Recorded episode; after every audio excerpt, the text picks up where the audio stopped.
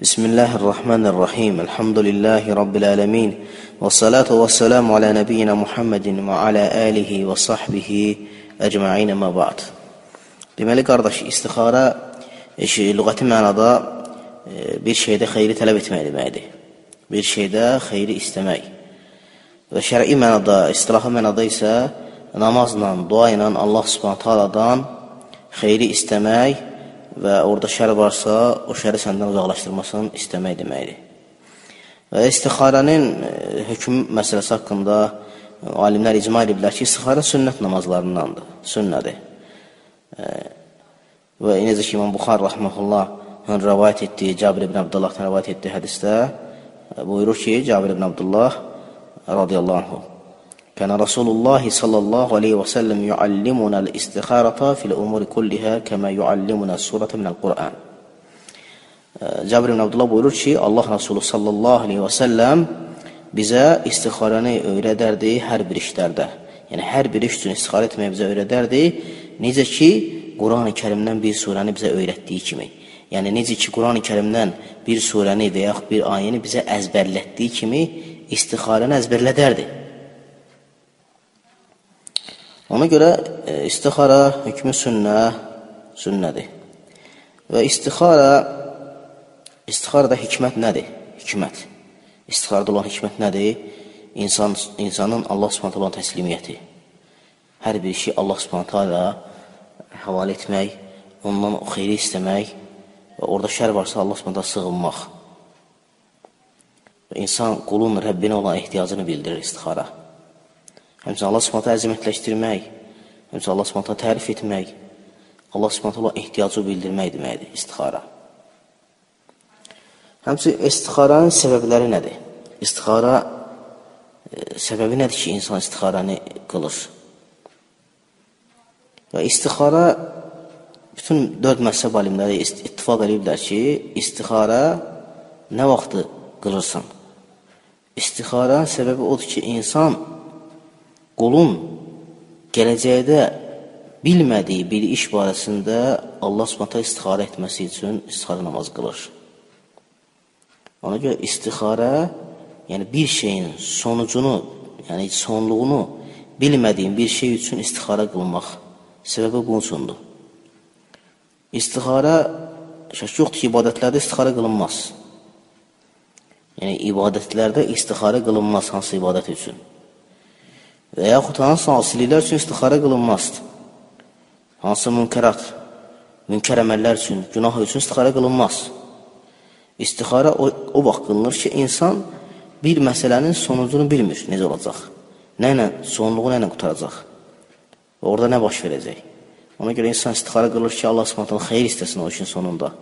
Orada şər varsa, Allah subhanətən insanı o şərdən uzaqlaşdırsın.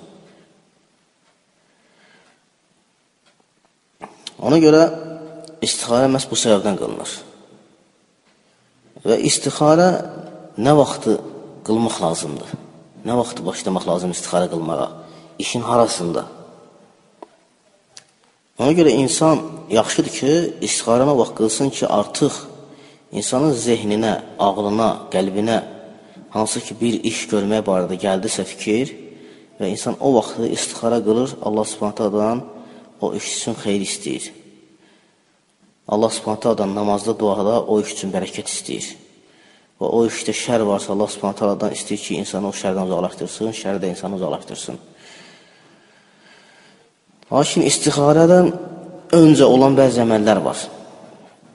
Necə ki, İmam Nəvəvi rəhməhullah deyir ki, İmam Nəvəvi Yəstəhibbu ən yəstəşirə qabləl istixara Yəstəhibbu ən yəstəşirə qabləl istixara İnsana müstəhəbdir ki, insan istixarədən qabaq istişara etsin.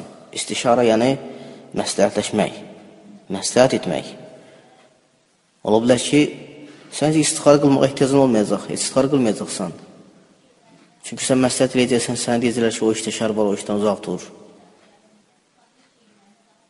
Ona görə istixarədən öncə istişar etmək müstəhəbdir, yaxşıdır ki, eləyəsən. Necə ki, Allah subhanətə buyurur ki, o şəvirhum fil umur, fil əmr.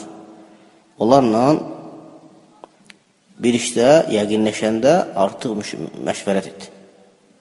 bir iş barəsində yəqinləşdikdə, qəti qərara gəldikdə məşvərət et. Həmçinin İbn Həcər e, Heythəmi buyurur ki, istixaradan öncə istişara olmalıdır.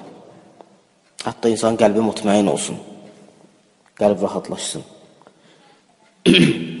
Və sonra istixara namazında hansı e, surə oxunmalıdır?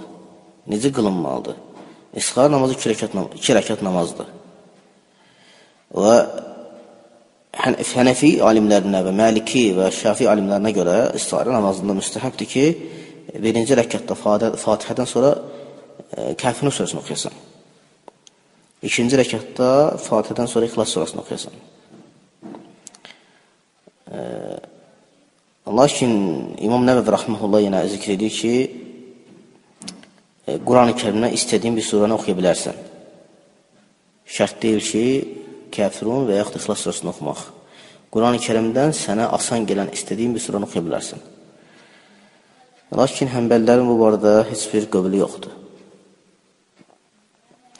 Həmçinin qardaşlar, istixara, istixarada dua harda olmalıdır? Və namazın harasında olmalıdır? Salamdan əvvəl, salamdan sonra. Və Hənəfi və Maliki və Şafi və Həmbəli alimlərinə görə e, istixara namazında dua namazın ardıc olmalıdır. Yəni, salamdan öncə. Salamdan öncə olmalıdır. Namazın ardıca, dualarda təşəhhüddən sonra və salamdan öncə. Lakin Şeyx İslam İbn Teymiyyə rahmehullah Fətavul Kubrada 2-ci cild səhifə 265 buyurur ki, istixara məsələsində dua namazdan öncə olmalıdır, yəni salamdan öncə olmalıdır, yoxsa salamdan sonra olmalıdır? Deyir ki, əl-cəvab yəcuzu dua fi salatil istixara və qayrihə qabləs-səlam və ba'də. İbn Teymiyyə buyurur ki, istixara namazında və başqa namazlarda icazəlidir ki, dua salamdan öncə və salamdan sonra olsun. Lakin və dua qabləs-səlam əfdal. Lakin salamdan öncə verilən, e, olunan dua daha əfzəldir. Yəni, istər istixarə namazında, istər hansısa nafilə namazda dua etmək istəyirsənsə, salamdan öncə etmək daha əfsəldir. Lakin salamdan öncə də edə bilərsən, salamdan sonra da edə bilərsən. İkisi də icazəlidir. İbn Teymiyyə bunu nəyə görə deyir? İbn Teymiyyə buyurur ki, çünki Rasulullah sallallahu aleyhi və səlləm ən çox etdiyini, etdiyi duaları salamdan öncə edərdi. Və düzün Allah bilir, əqul qavlu həzə, əstəğfirullah li və ləkum və lisəl muslimin min kulli zəm, əstəğfiru innəhu vəl-ğafur rahim. İxlasla.com saytı tərəfindən təqdim olundu.